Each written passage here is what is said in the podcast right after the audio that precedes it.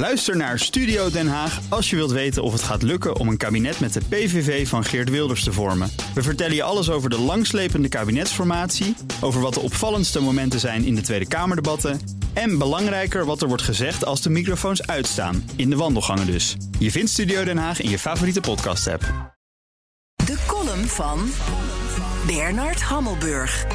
Ruim een jaar na de besmetting van de eerste patiënt met het coronavirus in Wuhan en een zorgvuldig georchestreerde campagne om de sporen zo goed mogelijk uit te wissen, mag een team deskundigen van de Wereldgezondheidsorganisatie vermoedelijk morgen eindelijk China in.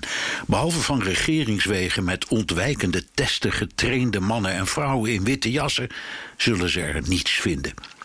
Nadat WHO aanvankelijk zelf de andere kant uitkeek, is ze onder internationale druk gaan aandringen op inspectie ter plaatse. Wat is er daar in Wuhan precies gebeurd? Hoe werd de zogenoemde patiënt nul besmet?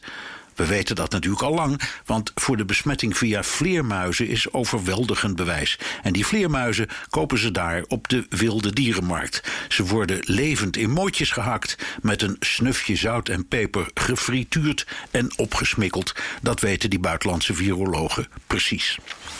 Het eindeloze traineren door China tot deze week is voor elke wetenschapper al genoeg om te begrijpen dat er niets meer te halen valt, behalve propaganda en veel kopjes thee. Wie er echt induikt, komt al snel terecht bij het verbijsterende onderzoek dat persbureau Associated Press eind vorige maand publiceerde. Vleermuizen van de verdachte soort, die onderzoekers in een oude mijnschacht vonden, werden geconfiskeerd. Die onderzoekers zijn Chinezen die geassocieerd zijn met het leger.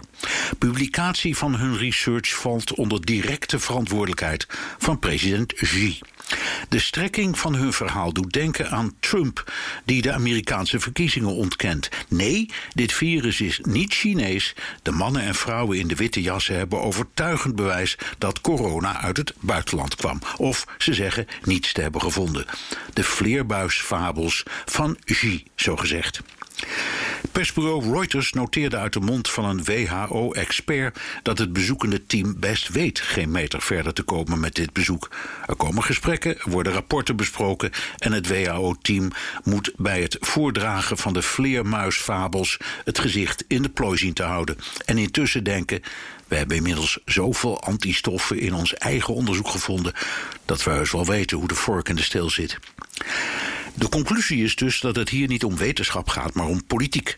De WHO is een typisch VN-instituut dat door de lidstaten voortdurend het onterechte label van onmisbaar wordt opgespeld. De WHO is een papieren tijger. En die moet ook, want in China zijn ze gek op wilde dieren.